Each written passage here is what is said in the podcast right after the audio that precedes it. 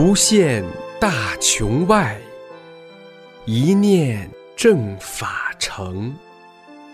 师尊慈悲愿，万物沐春风。请听明慧专题《一师恩》。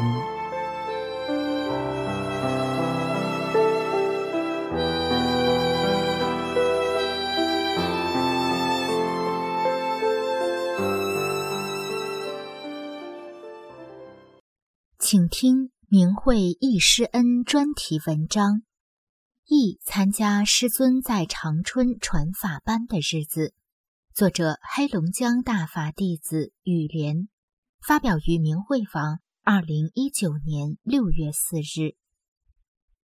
每当我回想起参加师尊在长春传法班的那段日子，每当我看到跟班的老大法弟子，所写的易师恩的文章时，我的心里就感到非常的幸福自豪，就感动的流泪。师尊那一幕幕的神迹，那慈祥和蔼的笑容，至今回忆起来记忆犹新，历历在目，仿佛昨天。光阴似箭，弹指间已经过去二十五年了。在过去的二十五年里，那些幸福、美好、珍贵的回忆，一直在我的脑海里回忆着，太幸福了。所以，我想把这段回忆写出来，与同修共享。一九九四年四月二十九日是我人生的转折点，也是我人生中最幸福、最难忘的日子。邻居大叔说。现在长春正在办什么工学习班？听说有活佛讲法，挺好的。你们想不想去？几个人商量一下，都说去吧。这样，四月二十九日，我们一行七人踏上了去往长春的火车。由于身体不好，我一路迷迷糊糊的。几个小时后，我们到达了长春。五月的长春树刚要放绿，阵阵的春风还真有点凉气。下车后，我们就看到了举牌子的学员在迎接四面八方来参加学习班的人，以便随时答复问题。这时，我们都看到了牌子上写着“法轮功”三个字，都说别参加了，是气功，赶快买回家的车票。在他们去买回家的车票时，我心里想：这么远来一趟挺不容易的，说回去就回去了，心里还不是滋味，还是问个究竟吧。我走到举牌子的学员面前问：“你们办的是气功吗？”他回答：“是法轮佛法，佛家功。”我对他们说：“咱们既然来了，就去看看如何。”那就去看看吧。我们找到了工作人员，问是在这里办班吗？他说：“你们还转悠呢，马上就要讲课了。”我说：“我们没有票啊。”工作人员问：“你们来了几个人？”我们来了七个人。他说：“太巧了，就剩七张票了，都给你们吧。”这样，我们买完票就匆匆忙忙的。进了吉林大学明放宫礼堂，到里面才看到好多的人呢，大概有三千人吧。他们六人都往前排去了，想离师傅近点。我也不知怎么的，就想一个人坐在后排。不一会儿，师傅来了，大家都热烈的鼓掌欢迎。师傅和大家招手示意，慈悲祥和。气宇非凡，神采奕奕的，与众不同，看上去也就三十岁的样子。我当时想，这么年轻啊！师傅的声音特别的清脆，音质特别的好听，讲出的法理句句都能打入我的生命深处，讲出了佛法的博大与深奥，真是佛法无边呐！从见到师傅的那一刻起，从听到师傅声音的那一刻起，就倍感亲切。这正是我要找的师傅。来时的想法顿时烟消云散了。我热泪盈眶，心情激动，有一种说不出来的滋味。此时只能想到的是，我与师尊有缘吧。我的思想马上就进入了一种状态，就像坐在另外空间一样，一个人在静静的听师尊讲法，往事与生生世世的恩恩怨怨都没有了，都荡然无存了。一切都静止了，一切都空了。我只能听到师傅的法音在我的耳边，在我的脑海里回荡着，太殊胜，太美好了。我感受到整个礼堂都充满了强大的能量，我的身体发热，我的身体细胞都被一股强大的能量充实着、净化着。这是什么功啊？不可思议呀！得法前，我是一名佛教居士，身患多种疾病，有心脏病、风湿性关节炎、肺炎、腰椎间盘突出、神经关节痛症、皮肤炎、胆管结石、气管炎、附件炎，两条腿常年浮肿，像两根木头一样的不能回弯，也蹲不下。十五年了，这些疾病日夜的折磨着我，我活不起，死不起的，真是度日如年呐！我对生活失去了信心，我无法面对这多种疾病的痛苦折磨，但我又得痛苦的面对。来时我正在喝汤药，怎么也喝不进去。现在我明白了，师傅已经管我了。此时此刻。我感觉到我的身体越来越轻，越来越舒服。奇迹出现了，只听一堂课，我的病就不药而愈了。我静静地沐浴在佛恩浩荡中，那种对师尊感恩的心，纵有千言万语也无法表达，唯有泪水代表我感恩的心。我泪流满面，还是哭。大姐同修对我说：“你哭出声了。”我说：“我没哭出声。”她说：“你哭出声了。”我说：“我不知道啊。”师傅讲，我记得大意是：你们今天在座听法的三生有幸，祖上有德啊！你们在常人中没有三天好日子过，一波未平，一波又起，在常人中。你们吃不好，睡不好，到老了把自己搞得一身糟。师傅都讲到我的心里了，别说几生了，就这一生的恩恩怨怨吧。想一想，活的可真累呀。第一天听完课，回到邮电大学宿舍，老同修大姐教我们练静功，我的腿全消肿了，一下子就双盘上了。心里别提多高兴了。练抱轮时，我站那儿东歪西歪的站不住。我睁开眼，看到整个屋里都是大大小小的法轮，是法轮在给我调整身体，纠正我的身体一切不正确的状态呢。晚上睡觉时，突然来了一个尖嘴猴腮的小老头，说要给我治病。我说我有师傅。师傅给我下诏了，谁也动不了我。他不听。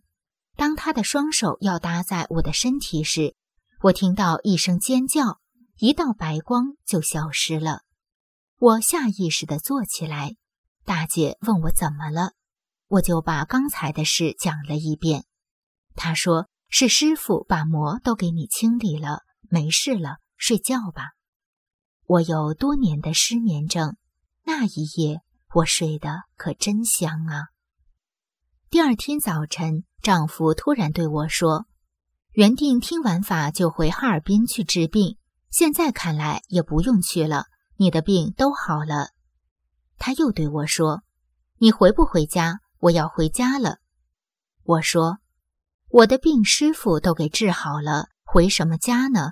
我一定听完法再回家。”于是。他和邻居大姐回家了，我望着他叹息。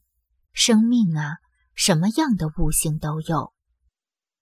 第二天，师傅讲天目，正讲法时，突然停电了。同修说是魔的干扰。然后师傅叫老学员领我们到外边学练功法。练完功，电还是没来。回礼堂继续听师傅讲法。这时看到师傅的讲桌上边点燃了两根蜡烛，但我看到的不是蜡烛，而是两颗闪烁的星星。师傅讲到天幕时，我看到师傅身体周围有光艳无际的光环闪耀着，非常的耀眼。当时我还以为我的眼睛花了，揉揉眼睛再看，还有，这是我从未见过的，太神圣了。回来时，大姐问我都看到什么了，我就把我看到的和她讲了。她说：“你看到的都是真的。”一天来了一个患脑血栓的病人，也没看师傅动手。师傅说：“你把拐棍扔了，往前走。”他走着走着就跑起来了。他跑一圈到师傅面前，给师傅跪下，哭着磕头。师傅把他扶起来。他拿起拐棍，走到花池边，把拐棍担在那儿，用脚把拐棍踩折了。全场的人都被师傅的慈悲和大法的神奇折服，都感动的流下了眼泪，都说太神奇了。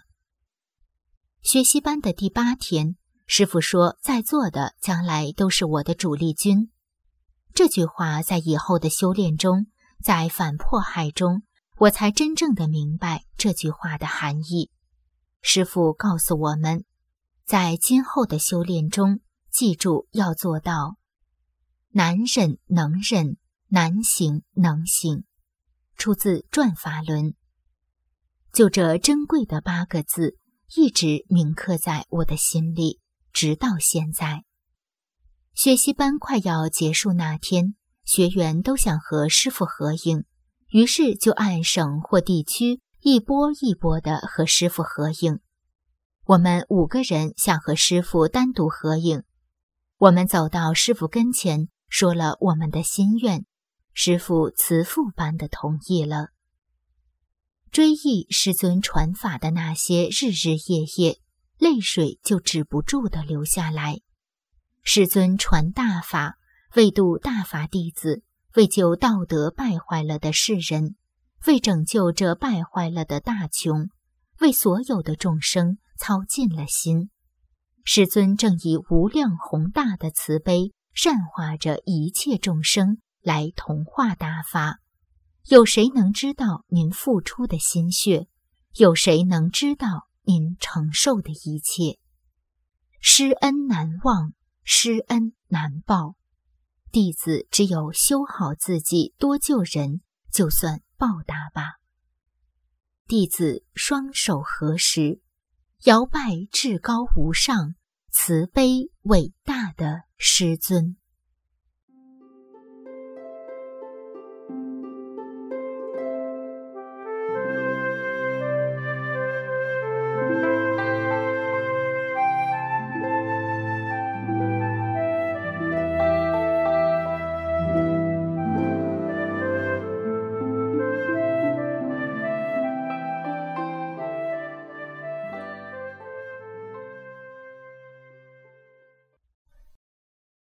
请听明慧易师恩专题文章，题目是《师傅北京传法办班期间的神奇事》，作者北京大法弟子。文章发表于明慧网，二零零八年十二月十五号。我九三年七月有幸参加了师傅在北京讲法传功办的第十一期班，十堂课，星期日是上下午各一堂课。记得在星期日中午，我在礼堂外的空场上休息时，看到师傅从远处走来，我马上站了起来。只见师傅直向一个坐轮椅的女学员方向走去。师傅到那里问了一下她的情况，这位女学员的病情很重，是家人推她来的，并祥和地向她说：“你能站起来吗？”只见师傅的右手手心向上，手指向前，直对这位女学员的后背。这位女学员有气无力地点点头，说：“能。”接着就慢慢地站了起来。这时，师傅接着说：“你能走吗？”只见师傅将右手手掌立起，手心指对他的后背。他又点点头说：“能。”就开始一步一步地向前走。师傅又说：“你能跑吗？”他说：“能。”就跑了起来。在场看到的学员都为他鼓掌。这位女学员跑了一圈，师傅就叫她回来，坐在轮椅上，开始为她调整身体。最后，只见师傅在她腹前一抓，双手端起，就好像双手托着像脸盆大的重物一样，走到旁边，用力甩出，然后对这位女学员的家人说：“她现在很虚弱，下午我讲课的时候。”你们把她推到讲台的最前面。师傅说完，就走进了礼堂。当时的情景真是让我激动的只是流泪。课后，这位坐轮椅的女学员是自己走出礼堂的。每当我与同修讲起这段事情时，师傅那慈悲的目光、祥和的面容，那每一个动作都浮现在眼前。每讲起这段事情，都为这位女学员高兴，为师傅的宏大法力而惊叹。后来随着学法的深入，才明白是师傅为度我们而做出巨大付出，是师傅在替我们承受一切。我记得师傅在讲法中曾讲过，为治好一个脑血栓病人被灌了一碗毒药的法，我就想。这位坐轮椅的女学员，师傅得为她承受多少啊？师傅太慈悲了，为了救度我们，师傅耗尽了一切。没想到这儿就泪流不止。我们做不好，怎能对得起师傅的苦度呢？在听课期间，发生了许多神奇的事情，许多同修都讲过，我就讲一下在我身上发生的神奇故事。在半班上课期间，因天热，听课的人多，礼堂又没有电扇等降温设施，所以礼堂比较热。但是我没感觉热，而且还感觉时而有小风吹过，特别舒服。就像师傅在讲法时说：“不妨大家把扇子放下，不时就有凉风吹过，真是那种感觉太神奇了。”更神奇的是，在师傅办班期间，正是七月多雨的季节，可我去听课从来都没赶上过雨。由于我住的地方距离听课地点较远，要先骑一段车，再乘地铁才能到达。原本在下雨，可我准备出门去听课时，雨就停了。我骑车到地铁站的时候，雨又下起来了。等我到站，走出地铁时，雨很小，几乎停了。当我走进礼堂，师傅开始讲课后，外面又开始下雨了，雨声由小变大。等到师傅讲完课，大家走出礼堂，雨又停了，地上到处都是积水。在师傅办班的这些天中，天天下雨，我天天都拿着雨衣，可一次也没用过。记得有一次，我是直接骑车到礼堂去听课。晚上听完课到家时，才发现自行车胎是瘪的，一点气都没有。那么远的路程，如果没有师傅的保护，是根本不可能骑回来的。这都是我在听课期间所经历的神奇故事。不只是我，每个弟子都有自己在修炼中的神奇经历。我们都倍感师傅的慈悲伟大。十堂课下来，我的身心有了巨大的变化，走路一身轻，第一次体会到了没有病的感觉，那种美妙的感觉真是无法用语言形容。我真的觉得太幸运、太幸福了。在此，将师傅在传法办班期间自己的点滴体会和美好回忆记录下来，与同修分享。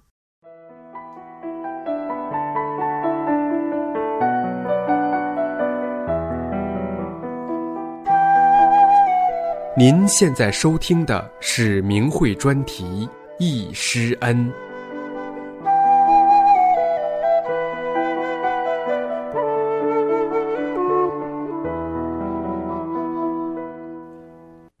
请听明慧易师恩专题文章《永远的感念》，作者大陆大法弟子。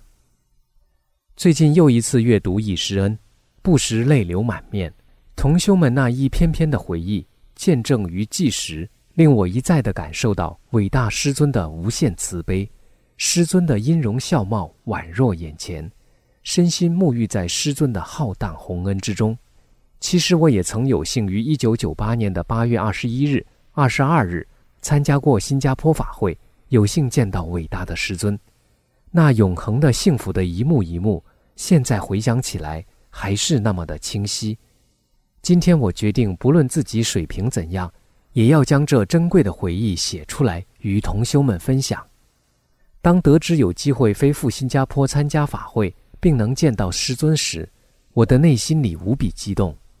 我于九五年得法，那时师尊已经去国外传法了。我渴望能够见到师父，心里隐隐的总觉得自己一定有缘能见到师父的。临行前。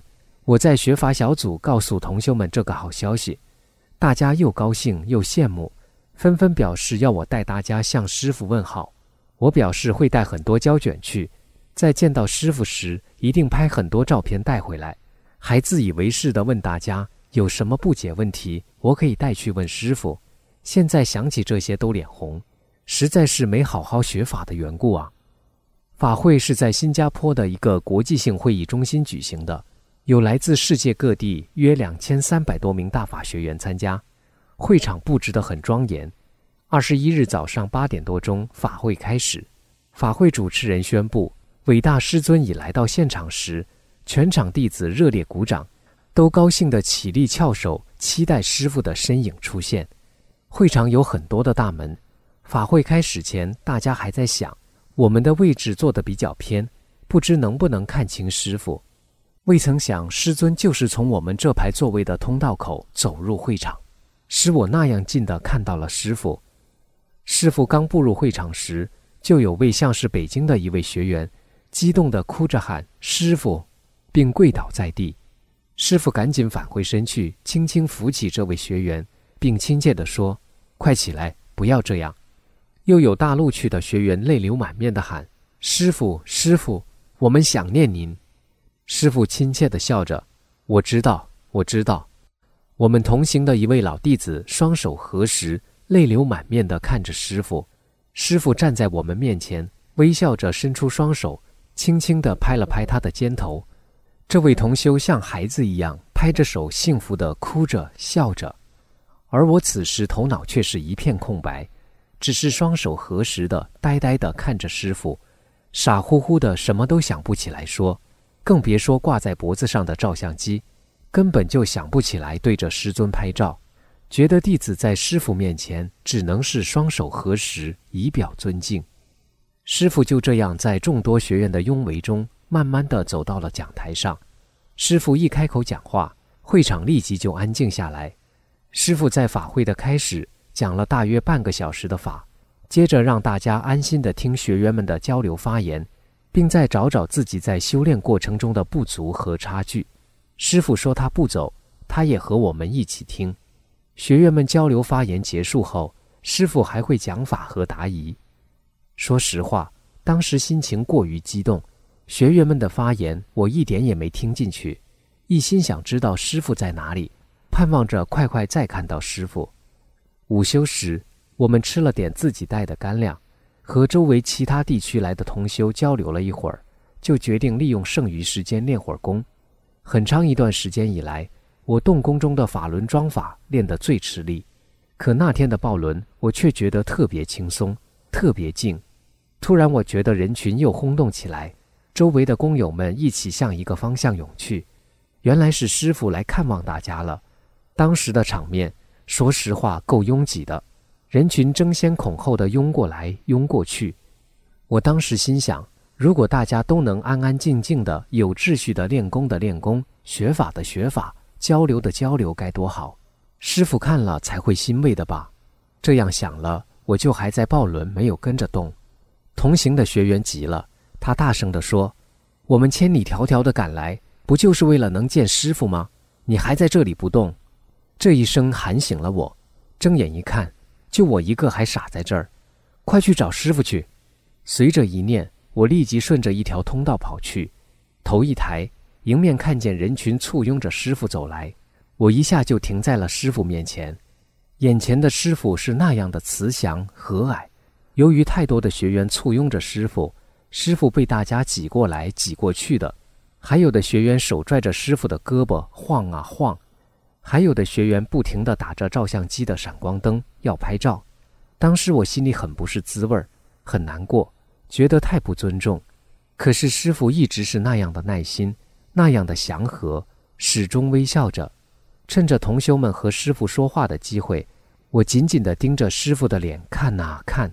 可过一会儿就会低下头，总觉得师傅是那样的可亲可敬，却同时又让我深深的感到神圣和敬畏，不敢贸然。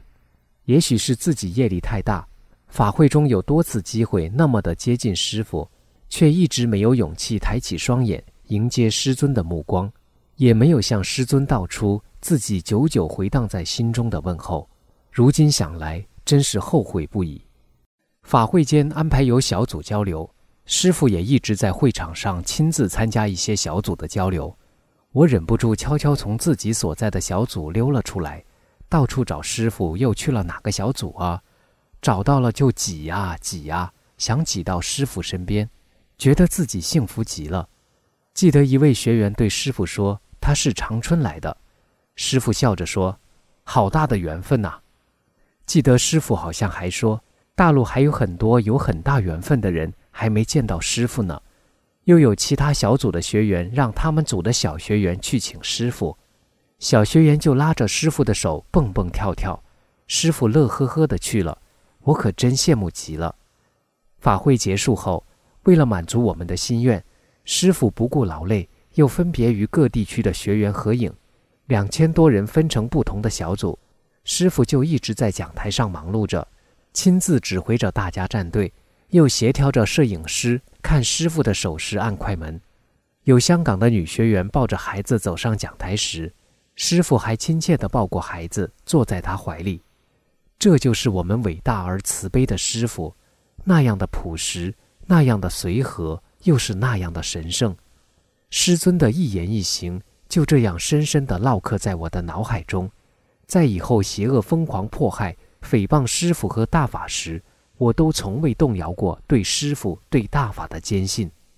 合影结束，向师傅告别时，看见师傅伸向我的手停在我面前，我赶紧先合十。再轻轻握住师傅那温暖而柔软的大手，师傅不停地叮嘱着我们每一位学员：回去后一定要多看书、多学法，多看书、多学法。师傅要离去了，我们是多么的不舍啊！大家守候在路边，双手合十，看着师傅摇下车窗向我们挥手，慢慢远去。十一年过去了，如今这一切都还历历在目。在随后邪恶疯狂打压迫害的这些年里，我实在是愧对师尊的苦度，跌跌爬爬的跟头把式的走到了今天，还有很多执着没放下。但我深切的知道，师傅一刻都未曾放弃过我这个不争气的弟子，时刻看护着、呵护着我，洗净着我，不断的鼓励着我，跌倒了再爬起来向前走，让我在这风风雨雨中逐渐的成长成熟。没有任何困难再可以挡住我跟随师傅回家的坚定脚步。同修们，让我们在所剩不多的时间里，用心做好三件事，兑现史前的誓约。时值师傅华诞之时和欢庆世界法轮大法日期间，弟子全家恭祝伟大师尊生日快乐，感谢师尊的慈悲救度。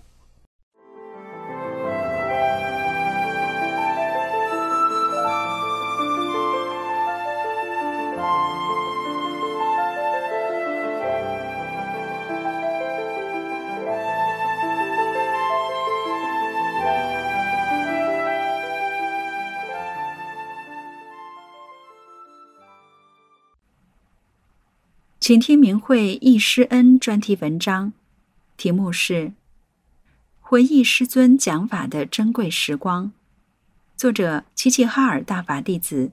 文章发表于明慧网，二零零八年十月三日。那还是早在九三年初的时候，有两次夜里，我从梦中醒来，清清楚楚的看见一位身着黑色长袍，头上高挽发髻，腰系丝带，身后佩戴宝剑的身材高大的道长，在齐齐哈尔市电眼文化宫聆听师尊讲法。九三年七月十六日，是我终身难以忘怀的日子。我有幸参加了师傅来齐齐哈尔的讲法班。当我看到高大、伟岸、慈悲、威严的师傅时，就觉得好像在哪儿见过。原来师傅就是我曾见过的那位道长。为了让我得到这部法，提前就找到了我。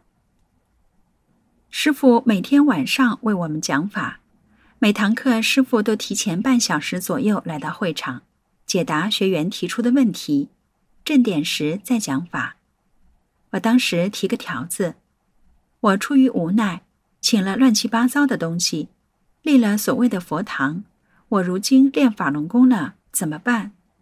师傅回答：只要你一动念，瞬间给你清理掉。期间有位梅大姐。由于师傅使其身体康复，她无法表达对师傅的感恩，便给师傅寄了两百元钱。可是师傅按照原地址又把钱如数寄了回来。课间，我还在电业文化宫的大厅里见到师傅。师傅穿着整洁，白色的的确良短袖衫，普通的灰色裤子。我心想，师傅这么简朴啊。得法前，我患有多种疾病，全国各大医院都诊治过，却无好转。自从我修炼大法后，所有病症全无，使我从病痛的折磨与人生的迷茫中解脱出来。有幸参加师尊在长春举办的讲法班。九四年四月末，我与同修一同去了长春，在长春市吉林大学的民放宫内。再次聆听师尊讲法，学习班共十天，早晚有两个班。师傅很辛苦，每天都从自己家坐公共汽车到吉林大学讲法。一次，我在大学校园树林中的一条小路上，远远望见师傅走了过来，心情激动地说：“哎呀，老师！”师傅慈祥平静的点点头，我却被抑制了似的，什么也说不出来。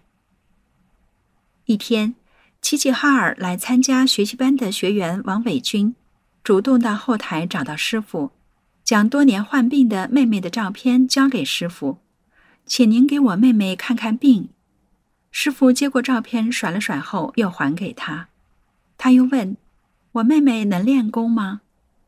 师傅说：“没事儿，至今他的妹妹还好好的。”学习班结束时。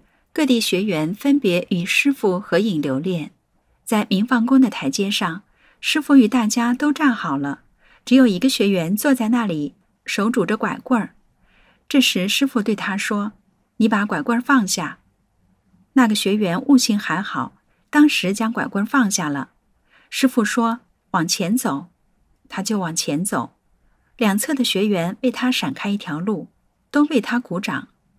那个学员走着走着，竟小跑起来，在场的很多学员都流下了激动的泪水。哈尔滨学员与师傅合影时，我渴望地看着师傅，希望在师傅身边合影。师傅轻声说：“你站这儿吧。”可另一学员说：“你别站这儿了，以后照片洗出来，上哪儿找你呀？”犹豫间错过了珍贵的瞬间。后来我的兄长找到师傅说。老师，他们都和您照相了，我来晚了，我也想和您照个相。师傅说：“你一个人单照照不过来，你把你们地区的人找到一块儿来，咱们一起照。”于是，我们地区前来参加学习班的学员都与师傅共同合影留念。这次我真的如愿以偿，终于挨着师傅照了相，留下了永久难忘的瞬间。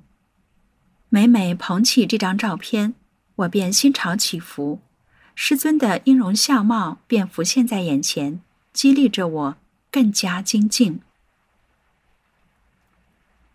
在大连参加师尊的讲法班。九四年七月，我与一学员说：“带师傅去大连讲法时，咱们去大连。”可学员临去时问我何时去，我又说不去了。学员说：“你不去，我去。”当他买好几张车票，却发现多了一个座号。他偶然碰到我时说：“多了个座号，是不是你应该去呀？”我说：“那就去吧。”回家与丈夫商量，还想去听法。丈夫说：“想去，那就去吧。”我们一行来到大连，我听课的位置是在楼上。因正值夏季，炎热无比，我和几乎所有的学员都是一边听法一边扇扇子，不能专心听法。这时师傅说：“那个扇子，不妨你把它放下，越扇越热。”由于自己悟性不高，还偷偷的扇。一天课前，一学员在广播中讲了这样一件事：一法国学员请师傅给他家中的患有舞蹈症的孩子治病。师傅说：“你有他的照片吗？”回答：“没有。”师傅又说：“你想一下，你家在哪？”第二天，家人来长途电话，告知：昨天一个大火球进屋了。之后，孩子就好了。大家听后都无比振奋，更加坚定了修炼的信心。每次学习班上的好人好事也很多，像钱包、项链、手表等物品丢失，都能物归原主。每次师傅都说：“谁的东西下课来取。”参加最后一次师傅在广州的讲法班。去广州之前，听说广州物价高，吃住都很贵，因资金不足，又想听师尊讲法，我就和一学员结伴同去往。我俩备了一箱方便面和一箱饼干。其实师傅早就为我们安排好了住处，广州中医学院。正值学生放假，三个人睡两张床，一天一共才二十元钱。在中医学院住的几乎都是来参加学习班的学员。一次与学员交流中，学员知道我们吃方便面和饼干的事。过了几天，一位学员对我说：“我把你们的情况和师傅说了，师傅落泪了。”我听了，泪水止不住的流了下来。当天晚上，师尊向广州上空打出一串串的法轮。我们所有当时住在中医院的学员，包括两个常人，都看到了这一壮观的景象。此殊胜的景观持续了两个多小时，大家激动地跑到楼顶的平台上，欢呼雀跃。后来大家一起练功。在整个学习班期间，我一直感到大法音乐那优美的旋律在我左前方的上空回荡。在学习班结束的返回途中，整个一列火车上全是参加学习班的学员，大家互相交流切磋，气氛是那样的祥和亲切，令人终身难忘。